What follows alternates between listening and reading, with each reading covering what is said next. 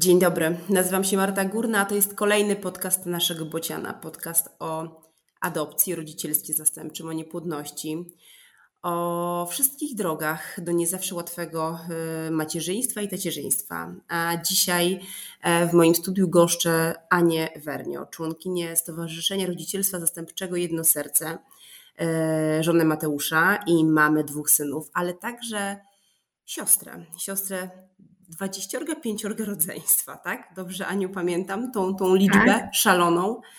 Tak, dokładnie tak. Z Anią porozmawiamy o tym, jak to jest y, wychowywać się w rodzinie zastępczej, a właściwie to słowo zastępcze to jest takie słowo, które zupełnie nie pasuje mi do rodziny Ani. Jak to jest wychowywać się w takiej dużej rodzinie? Cześć Aniu, bardzo Ci dziękuję, że, że tu z nami jesteś. Cześć, bardzo dziękuję za zaproszenie i cieszę się, że będę mogła opowiedzieć o, o naszej rodzinie. Aniu, Wasza rodzina jest absolutnie wyjątkowa. Miałam okazję poznać Twoich rodziców. My też gdzieś tam się już zawodowo w życiu spotkałyśmy. Mm, I tak jak powiedziałam, aż, aż trudno mi mówić o tej rodzinie, w której się wychowywałaś, rodzina zastępcza. Czy jak, jak, jakkolwiek inaczej niż po prostu rodzina, bo to jest po prostu przepiękna rodzina. I ta rodzina właściwie jest od zawsze, prawda? Tak, e, dla mnie rzeczywiście jest od zawsze. E, miałam trzy lata, kiedy e, rodzice przyjęli pierwsze dzieci do naszej rodziny. I to miała być siostrzyczka w podobnym wieku, ale okazało się, że tatuś wrócił z domu dziecka. Wtedy było troszkę inaczej niż teraz i ten proces był znacznie, no wyglądał inaczej. Tatuś wrócił z domu dziecka z dwoma chłopcami, jeden, o, obaj byli ode mnie starsi, a po kilku dniach się okazało, że chłopcy mają siostrę, więc miałam też siostrzyczkę, ale zamiast jednej dziewczynki to była trójka dzieci.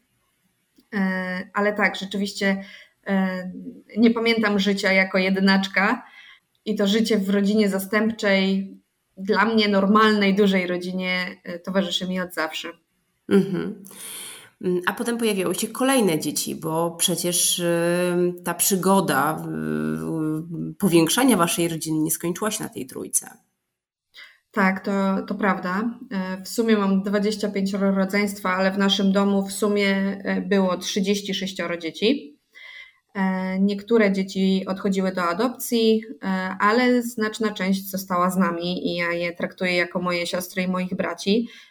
Spędzamy razem święta, także u nas na Wigilię to jest właśnie około 35 osób nakryć, e, bo niestety nie zawsze wszyscy mogą dojechać. E, no, a, no i jeszcze są takie dzieci, które do stołu nie siadają, bo jeszcze są za małe. Także jest nas naprawdę dużo. Ale rzeczywiście ta nasza rodzina stopniowo się powiększała. Najpierw właśnie ta trójka, o której już mówiłam, później przeprowadziliśmy się do większego domu i, i stopniowo miałam coraz więcej rodzeństwa. I najpierw całe moje rodzeństwo było starsze ode mnie. Ja się z tego bardzo cieszyłam, bo to jest super mieć starszych braci i starsze siostry, a już starszych braci, którzy lubią się z tobą wygłupiać, to już w ogóle jest świetne.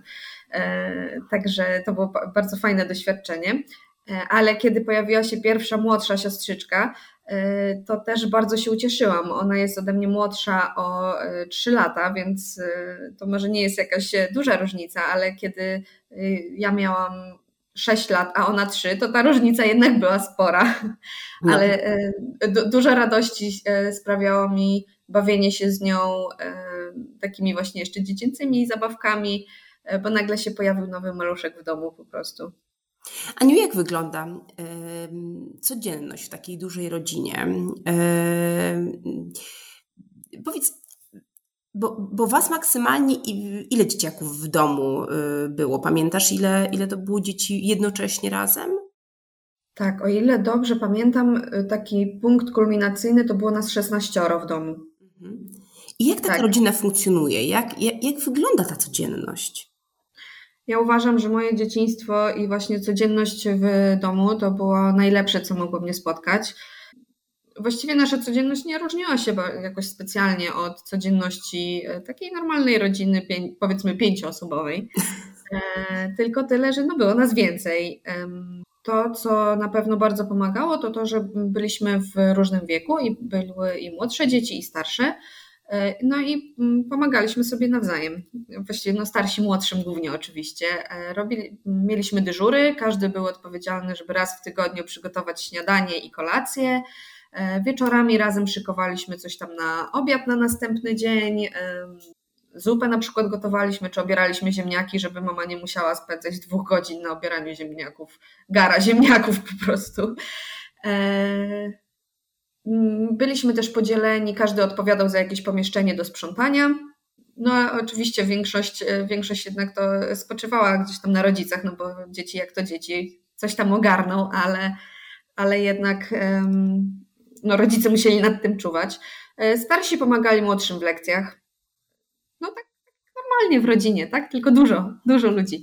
E, zawsze mieliśmy taki rytuał, że niedzielę spędzaliśmy e, tak rodzinnie. Przez jakiś czas rodzice wymyślili taką zabawę, w której starsi dobierali sobie młodszych i spędzaliśmy czas tak jeden do jednego i się razem bawiliśmy. No albo tam czytaliśmy coś, albo jakiś film oglądaliśmy. E, rodzice też motywowali nas do tego, żebyśmy się lepiej zachowywali i lepiej utrzymywali porządek i wymyślili taką zabawę Jesteś super. E, I to przez cały tydzień się powiedzmy tam obserwowaliśmy nawzajem i w niedzielę robiliśmy spotkanie rodzinne i każdy przyznawał punkty e, rodzeństwu. No i to, to była duża motywacja. To, to chyba był czas, kiedy było najczyściej w domu i byliśmy dla siebie najbardziej mili. E, no i na koniec e, oczywiście było podsumowanie, nagrody i w ogóle, także to pra, tak, taki prawie konkurs był. E, ale właśnie takim najważ, najważniejszą rzeczą, którą pamiętam z tego, to nie jest to, co dostawaliśmy, tego nawet nie pamiętam, ale, ale właśnie to, że nawet jeżeli coś było nie tak między nami, jakieś tam sprzeczki się zdarzały w czasie tej zabawy, jesteś super, to y, nagle pamiętaliśmy wszystkie takie zasady, jak rozwiązać konflikt bez krzyku, jak sobie o tym powiedzieć, że na przykład sprawiłaś mi przykrość. E, także to, to był duży plus tej zabawy. Ja bardzo lubiłam też e, okres wakacji. E, wyjeżdżaliśmy razem, zawsze wyjeżdżaliśmy razem nad morze na, na, na tydzień. Roz, rozumiem, ciągiem albo autobusem. E, jeździć najpierw, kiedy e, tylko rodzice mieli prawo jazdy, to rzeczywiście jeździliśmy tylko na dwa samochody, bus i, e, i osobówka zwykła. No ale później star, starsi chłopcy, jak już kończyli 18 lat, robili prawo jazdy, to, to właśnie zdarzało się, że na dwa busy jeździliśmy albo na w ogóle kolumną czterech, pięciu samochodów. I, i to też było fajne doświadczenie. Mm, dużo czasu spędzaliśmy też na e, po prostu byciu razem. I, I, nie tylko właśnie w wakacje, e, ale tak jak powiedziałam, niedzielę zawsze spędzaliśmy razem. Najpierw gotowaliśmy obiad wszyscy w kuchni, no to wyobraź sobie 20 osób w kuchni. Kiedy mój e, teraz mąż wtedy e, chłopak przyszedł pierwszy raz do nas w niedzielę, stanął gdzieś tam z boku i mówił, że po prostu on nie rozumie, jak ta maszyna działa. On nie wie, gdzie ma stanąć, żeby nie przeszkadzać, ale że bardzo fajnie się na to patrzy. Dużo graliśmy razem w siatkówkę. E, w Palanta graliśmy, w mafię. O, w mafię bardzo lubiliśmy grać. Taka bardzo rodzinna gra wbrew pozorom, e, ale bardzo dużo potrafiliśmy naprawdę do późnych godzin nocnych siedzieć i grać, bo zawsze nam było za mało. Aniu, ta opowieść jest y, przepiękna. Pokazuje, mm, że taka rodzina y, może być niesamowitą wartością. Ale czy ty miałaś też takie poczucie, że jednak coś tracisz wśród tej cudownej, ale jednak chmary dzieci, która towarzyszyła wam? E, no bo to były wasze dzieci, ja to rozumiem. Natomiast y, czy były takie momenty, że sobie myślałeś, że kurczę, no chciałabym tej mamy więcej tylko dla siebie, chciałabym tego tatę tylko dla siebie, chciałabym, chciałabym, żeby było, może pojawił się taki moment, że pomyślałeś, że chciałabym, żeby było jak u moich znajomych, tak y, normalnie. Wiesz co, tak, na pewno były takie sytuacje, kiedy y, ktoś tam mi podpadł i, i wtedy się denerwowałam y, i tak sobie myślałam, a co by było, jakby ich nie było wszystkich. Natomiast e, mama mi opowiadała, że kiedy miałam 5 lat, Oni doszli do wniosku, że no na pewno tak jest, że mi właśnie brakuje, żebyśmy byli sami i pięć albo sześć i zabrali mnie sami, sami nad morze, pojechaliśmy we trójkę nad morze. I mama mówi, że to było dla niej e, fantastyczne doświadczenie, ponieważ e, raz, dwa ją sprowadziłam do pionu i po dwóch dniach jej powiedziałam, że ja to chcę wracać do domu, bo tam moje rodzeństwo na, na, na nas czeka i ja w ogóle nie bardzo rozumiem, dlaczego wyjechaliśmy bez nich, skoro z nimi jest tak fajnie. Mhm. E, także i właściwie to, to mi właśnie towarzyszyło przez całe życie. Nie poczucie, że coś tracę, tylko bardzo dużo zyskałam. Były takie momenty, kiedy gdzieś tam bym chciała, żeby rodzice może mieli troszkę więcej czasu mm, jeden do jednego, czy ze mną, czy z, in, innym rodzeństwem też, no bo jak było nas tak dużo, to nie codziennie było to możliwe. Chociaż y, wiem, że rodzice bardzo się starali jakoś tak zadbać o to, żebyśmy się y, czuli dopieszczeni i zadbani. No tam o sprawach takich szkolnych to zawsze po, po powrocie ze szkoły siadaliśmy do obiadu i, i, każdy opowiadał, co się zadziało, także każdy miał szansę się wypowiedzieć i coś opowiedzieć o, o, o swoim dniu. Mm, kiedy mieliśmy jakieś tam trudniejsze sytuacje takie dla nas, to e, zawsze wiedzieliśmy, że no, po prostu idziemy do rodziców się wygadać i też pozostali starali się uszanować ten czas. Więc jeżeli rodzice zamykali drzwi u siebie, co było rzadkością, to znaczyło, że z kimś rozmawiają i po prostu to jest taki czas, kiedy muszą się skupić na kimś innym. Mm, to, co być może było mm, jakimś, jakieś takie trochę trudniejsze, to właśnie to, że um, mieszkaliśmy poza miastem, no i żeby y, rozwijać swoje zainteresowania, to tata musiał spędzać y, całe popołudnia w samochodzie, żeby nas tam dowieść. E, I, e, no i to może było trudniejsze, ale pewnie jakbyśmy mieszkali w mieście, to by tego problemu nie było, bo po prostu byśmy, nie wiem, autobusem podjechali, a, a z naszej miejscowości e, ten dojazd był utrudniony. No ale to nie wynika z tego, że było nas tak dużo, no może ilość tych kursów, ale bardziej właśnie z miejsca, w którym mieszkaliśmy. Mm, nigdy nie chciałam mieć takiej rodziny, jak mieli moi rówieśnicy. Uważałam, że oni mają przechlapane, bo oni no tak jakby nie mają takich możliwości jak ja, tak? Jak ja chciałam iść zagrać w siatkówkę, to nie musiałam szukać po osiedlu chętnych, tylko my mieliśmy trzy drużyny od razu w domu, tak? I wychodziliśmy i robiliśmy sobie turniej. E, także ja zdecydowanie nic nie straciłam, ja tylko zyskałam w ten sposób. Aniu, a odejścia, e, bo te dzieci nie wszystkie zostawały z Wami do końca świata i o jeden dzień dłużej, tylko były też takie, które były krótko. E, albo były dłużej, a potem odchodziły i to jest pewnie jeszcze trudniejsze. Pamiętasz takie momenty? Tak, było kilka takich sytuacji. Pierwsza była dla mnie najtrudniejsza, ponieważ o ile zupełnie naturalne było dla mnie to, że pojawiają się w naszej rodzinie nowe dzieci i że ta rodzina się powiększa, rodzice zawsze nas pytali, za każdym razem, jak miało przyjść nowe dziecko, to zawsze pytali wszystkich, każdy mógł się wypowiedzieć, co, co na, na ten temat sądzi. Ja tam się zawsze cieszyłam. Starsze rodzeństwo różnie, ale ja się zawsze cieszyłam i zawsze byłam na tak. I tak samo było w sytuacji, kiedy przyszło dwóch małych chłopców. E, Patryczek, który miał wtedy lekko ponad pół roku, i jego o 9 miesięcy starszy brat. Mm, ja się totalnie zakochałam w chłopcach od razu. E, no to były takie małe szkraby. Ja byłam wtedy w szóstej klasie i e, uwielbiałam się z nimi bawić. Szczególnie z młodszym Patryczkiem. E, to on był pierwszym dzieckiem, które nakarmiłam butelką. I tak sobie myślę, że już wtedy gdzieś tam jakieś pierwsze instynkty macierzyńskie mi się zaczęły pojawiać. I bardzo chętnie się z nimi bawiłam. Ja szybko robiłam lekcje, więc miałam dużo czasu, żeby się z nimi bawić. No i też patrzenie na rozwój takich maluszków. Oni się przecież zmieniają właściwie z dnia na dzień. I ja totalnie nie przyjmowałam tego, że oni mogą mieć jakąś inną rodzinę. I ja wiem, że ich rodzina adopcyjna jest cudowna, wspaniała, zresztą mamy kontakt do dzisiaj, ale bardzo źle to przeżyłam, że ich nam zabrali.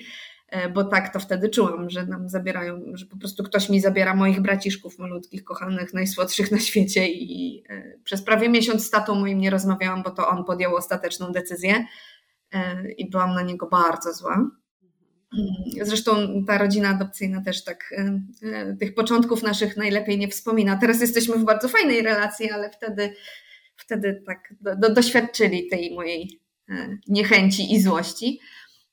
Później już tak bardziej to rozumiałam, że, że to dla ich dobra, że jednak takie małe dzieci, jak będą miały rodziców właściwie tylko oni dwóch i dwoje rodziców, no to być może gdzieś tam będzie to dla nich lepsze. Chociaż ja tam uważałam zawsze, że u nas w rodzinie wszystkim będzie najlepiej, więc w ogóle po co?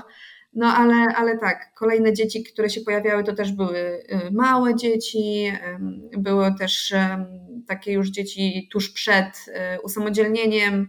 To, to są takie osoby, które się pojawiły w, naszym życiu, pomogliśmy im tyle, ile potrzebowali, a, a potem stanęli już na własne nogi, albo właśnie znaleźli się w innej rodzinie adopcyjnej. E, pamiętam, jak jeden chłopiec był u nas, on był też taki bardzo malutki, właściwie prosto ze szpitala przywieziony i rodzice adopcyjni jego się odnaleźli, przyjeżdżali do nas najpierw i potem przyjechali do nas po chyba po półtorej roku mniej więcej nas odwiedzić po prostu i to było niesamowite, jak ten chłopiec e, wyglądał, jak oni, po prostu e, tak nawet fizycznie się upodobnił jakoś do nich. To, to było też takie ciekawe doświadczenie dla mnie. Mhm. A chciałabym jeszcze, Aniu, wrócić do tego wątku, bo powiedziałaś, że twoi dwaj braciszkowie, którzy znaleźli rodzinę adopcyjną, że macie z nimi kontakt, że macie kontakt dobry z rodziną adopcyjną. To, to, to nie jest częsta sytuacja, kiedy rodzice adopcyjni postanawiają utrzymywać kontakty z rodziną zastępczą, e, chyba jeszcze rzadziej z rodziną biologiczną. Widzisz plusy takich decyzji, takiego właśnie nie, nieprzecinania y, tej historii zupełnego? Mm, tak, myślę, że akurat, y, szczególnie w przypadku chłopców to, y, to bardzo fajnie się sprawdziło i bardzo dobrze zadziałało. Chłopcy, znaczy rzeczywiście to przejście najpierw było troszkę łatwiejsze, no bo byliśmy w częstszym kontakcie. Mm, wiem też o takich trudniejszych sytuacjach, kiedy starszy z tych chłopców nie bardzo chyba rozumiał po pierwszej wizycie moich rodziców, po prostu myślał, że wróci z nimi do nas do domu. Mm, więc e, na jakiś czas ten kontakt urwaliśmy, żeby oni mogli mocniej e, zafunkcjonować w swojej rodzinie adopcyjnej. Ale moi rodzice są chrzestnymi chłopców. Tata chrzestnym jednego, mama chrzestnym drugiego. Mm, oni byli na moim weselu, E, byli na, zresztą w ogóle w rodzinie na weselach e, bywają. Ostatnio też e, spędzili kilka dni u, u moich rodziców. Chłopcy są już dorośli, także to znaczy starszy z nich już, już jest pełnoletni. No, także to dużo, dużo radości daje i ja też miałam, dla mnie to było troszkę łatwiejsze, ponieważ widziałam, że oni są szczęśliwi, że są kochani, E, później jeszcze adoptowali e, siostrę chłopcom, także to jest trzyosobowa rodzina. To pokazuje. Z innymi rodzinami my nie mamy kontaktu takiego stałego, e, ale, ale mm, ja myślę też, że to dlatego, że chłopcy byli u nas dłużej wcześniej mhm. i, i dla nas są tak czy inaczej częścią rodziny. No a tak to są rzeczywiście, bo właśnie jako chrzestne dzieci rodziców. Aniu, pojawiła się też w waszym domu w pewnym momencie Gosia. I Gosia chyba wywróciła ten wasz świat mm, dość mocno do góry nogami. Tak, rzeczywiście mm, Gosia jako taki mały promyczek e, pojawiła się w naszej rodzinie. Przyszła do naszej rodziny prosto ze szpitala, miała wtedy 6 miesięcy, ważyła niecałe 2 kg. E, musiała być karmiona sondą, ponieważ nie chciała ssać z butelki. Mm, więc tata przeszedł szybki kurs karmienia sondą. Lekarze raczej nie dawali jej e, specjalnie dużych szans na przeżycie, właśnie ze względu na tą bardzo niską wagę i, i ten taką jakby brak woli życia. Gosia nawet nie bardzo płakała, tylko takie delikatne miauczenie z siebie wydawała. E, teraz Gosia ma 13 lat, y, z, nie ma problemu z usłyszeniem o jej potrzebach. Wszyscy na pewno zrozumieją i, i się z nią dogadają w tej kwestii. Jest bardzo wesołą y, dziewczynką, ale rzeczywiście te początki były trudne. Gosia musiała przejść kilka operacji. Dużo czasu spędzała z rodzicami w Centrum Zdrowia Dziecka Mm, no i dla nas to rzeczywiście było trudne, ponieważ to był pierwszy, pierwszy raz, kiedy musieliśmy spędzić więcej czasu e, bez rodziców. E, w domu została z nami babcia. E, no i my też już byliśmy troszkę w takim wieku, licealnym. Większość z, z tego mojego rodzeństwa z podobnego wieku, my właśnie byliśmy w liceum, było starsze rodzeństwo też już, gdzieś tam studenci, którzy po prostu częściej wracali do domu na ten czas, żeby, żeby nam pomóc, żeby babcie wesprzeć. No i e, też staraliśmy się, jak rodzice wracali, robili to na zmianę. Jedno zostawało z Kosią w szpitalu, a drugie wracało, żeby gdzieś tam ubrania przeprać i e, chwilę się przespać normalnie. E, no to właśnie ten czas chcieliśmy jak najbardziej rodziców e, odciążyć. No powiedzieliśmy, że to jednak życie w szpitalu jest trudne. I, I tak samo jak dla nas było trudne bycie w oddaleniu, tak ich codzienność też łatwa nie była. Aniu, ja będę trochę adwokatem diabła. Zupełnie nie myślę tak jak, jak teraz będę prowadziła tą rozmowę. Ale słuchają nas osoby, które być może zastanawiają się nad tym, żeby zostać rodziną zastępczą i, i rozważają e, za i przeciw, rozważają koszty, zyski.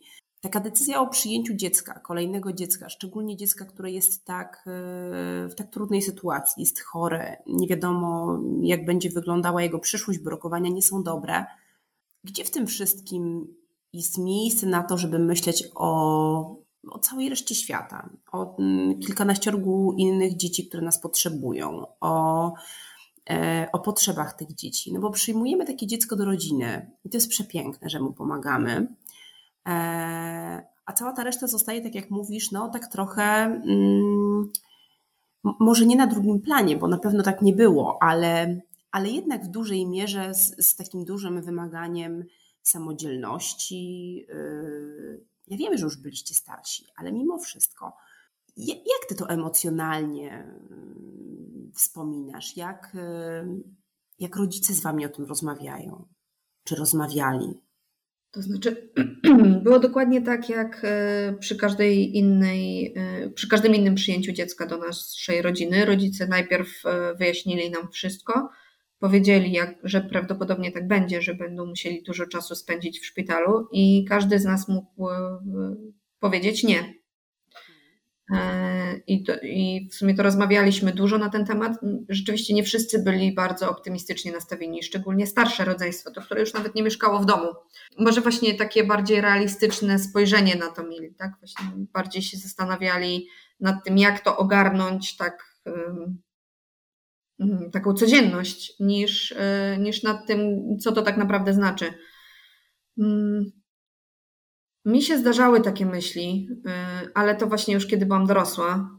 Jak to w ogóle było możliwe do ogarnięcia?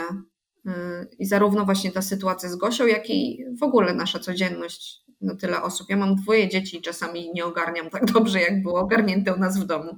I ja myślę, że to przede wszystkim miłość to robi po prostu.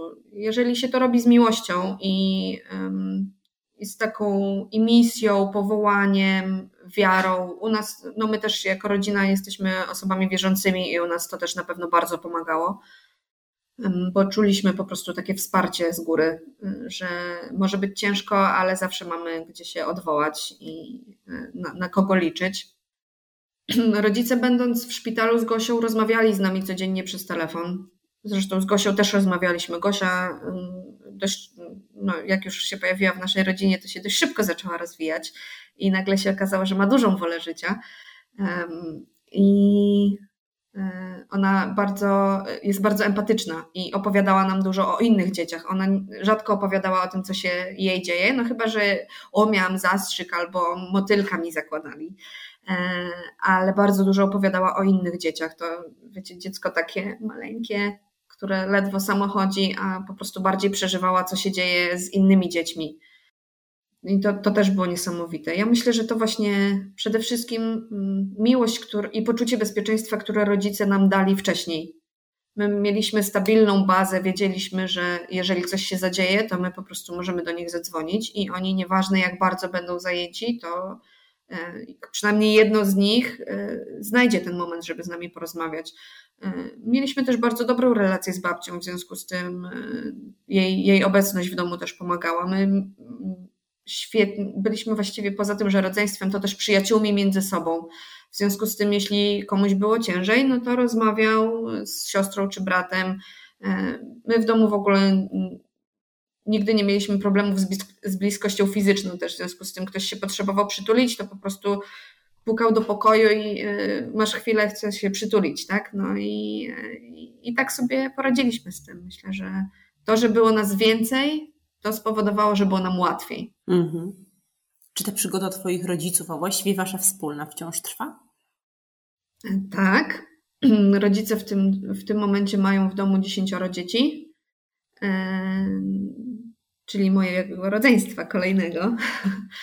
E, rzeczywiście moment, kiedy ja już e, odeszłam z domu, e, był dla mnie troszkę trudniejszy, dlatego że mm, ta relacja z rodzeństwem, które teraz jest w domu, jest inna niż ta, które mam z rodzeństwem, z którym mieszkałam. No ale w naturalnej rodzinie też się zdarza duża różnica wieku i, i pewnie to są podobne problemy, no tylko u nas właśnie pomnożone przez ilość osób. I dopóki, dopóki ja byłam na studiach i wracałam do domu, gdzieś tam starałam się pomagać rodzicom, mm, nie wiem, ogarniałam dzieci, jak rodzice jechali na jakieś szkolenie, to zostawałam z młodszym rodzeństwem, więc przez jakiś czas byłam też w roli takiego jakby opiekuna dla nich, dodatkowego. E, I to trochę utrudniło taką relację braterską, siostrzaną między nami, ale teraz już jak oni też, e, im, im starsi się robią, tym, e, tym jakoś właśnie bardziej się wchodzimy w tą relację siostra, brat, niż właśnie taka opieka nad nimi. Ostatnio nawet dziewczyny były u mnie i razem robiłyśmy przetwory, tak? Spędziłyśmy razem dwa dni na robieniu dżemów do słoików i, i to też było bardzo przyjemne. Także tak, nasza przygoda trwa. Ja sama rodzicem zastępczym pewnie nie zostanę i to bardziej ze względu na mojego męża niż na, na mnie, ale, ale czuję, że taką moją misją życiową jest też wspieranie rodziców zastępczych i dlatego między innymi jestem właśnie członkiem naszego stowarzyszenia. Myślę, że też y, duży wpływ na to, y, na to, że właśnie to uznaję za misję moją, bo nie tylko to, że miałam taką rodzinę, ale też to, że kiedy byłam w liceum, y, moja mama zaczęła być aktywna w koalicji na rzecz rodzinnej opieki zastępczej I ja często jeździłam z nią na te spotkania, tam takimi technicznymi rzeczami się zajmowałam, typu pisaniem protokołów, gdzieś tam wspieraniem w mailach albo w kontaktach zagranicznych ze względu na język angielski. I, I to tak, ponieważ szybko się to pojawiło w moim życiu, a dawało też szansę na taką właśnie coś wspólnego tylko mojego i rodziców, to tak mocno u mnie zostało i tak. No teraz to jest właśnie moją misją i cieszę się, że, że mogę pracować właśnie w tym kierunku. Co powiedziałabyś osobom, które rozważają drogę rodzicielstwa zastępczego, e, ale się wahają? W którym miejscu się zatrzymać, zastanowić, gdzie postawić te najważniejsze pytania, jak ta decyzja powinna wyglądać? Przede wszystkim myślę, że warto się zastanowić, dlaczego chce się zostać e, rodziną zastępczą. Na pewno nie polecam względów finansowych, bo y, zarobić się na tym nie da. Ja myślę, że jeśli e, czuje się w sercu takie powołanie, taką misję, mm, chęć y, obdarzenia miłością, bezpieczeństwem, e, dzieci, które, no niektóre naprawdę bardzo dużo przeszły, mm, dzieci, z którymi będzie trzeba pracować troszeczkę inaczej, E, trzeba, jeżeli ma się chęć rozwoju osobistego i poszerzania wiedzy, e, szukania odpowiedzi na milion pytań, które się pojawiają, jeśli ma się na to gotowość i właśnie dużo miejsca w sercu, to, to bardzo polecam. E, myślę, że dzieci, jeżeli ktoś ma biologiczne dzieci też, to tylko na tym zyskają, bo, bo jednak rodzeństwo i, i taka troszkę inna, może e, głębsza codzienność, to same plusy. Aniu, bardzo Ci dziękuję za tą przepiękną rozmowę. E, wy nas tego słyszycie, nie widzicie, ale ja się od pół godziny cały czas uśmiecham. E, I to jest taki uśmiech z załzawionymi oczami, bo to też wzruszająca rozmowa. Bardzo się cieszę, że mogłyśmy porozmawiać. Bardzo się cieszę, że zgodziłaś się na tą rozmowę, że jesteś tutaj z nami. Dzięki, Aniu. Dziękuję bardzo i to była prawdziwa przyjemność. Chętnie też e, zaproszę na, na jakieś prywatne rozmowy. Jeśli ktoś miałby ochotę, to, to zapraszam. Proszę pisać w komentarzach, a my będziemy Was kontaktowali za nią. Dzięki wielkie e, i do usłyszenia. Dziękuję. Za możliwość nagrania naszych podcastów dziękujemy naszemu partnerowi, firmie Merck.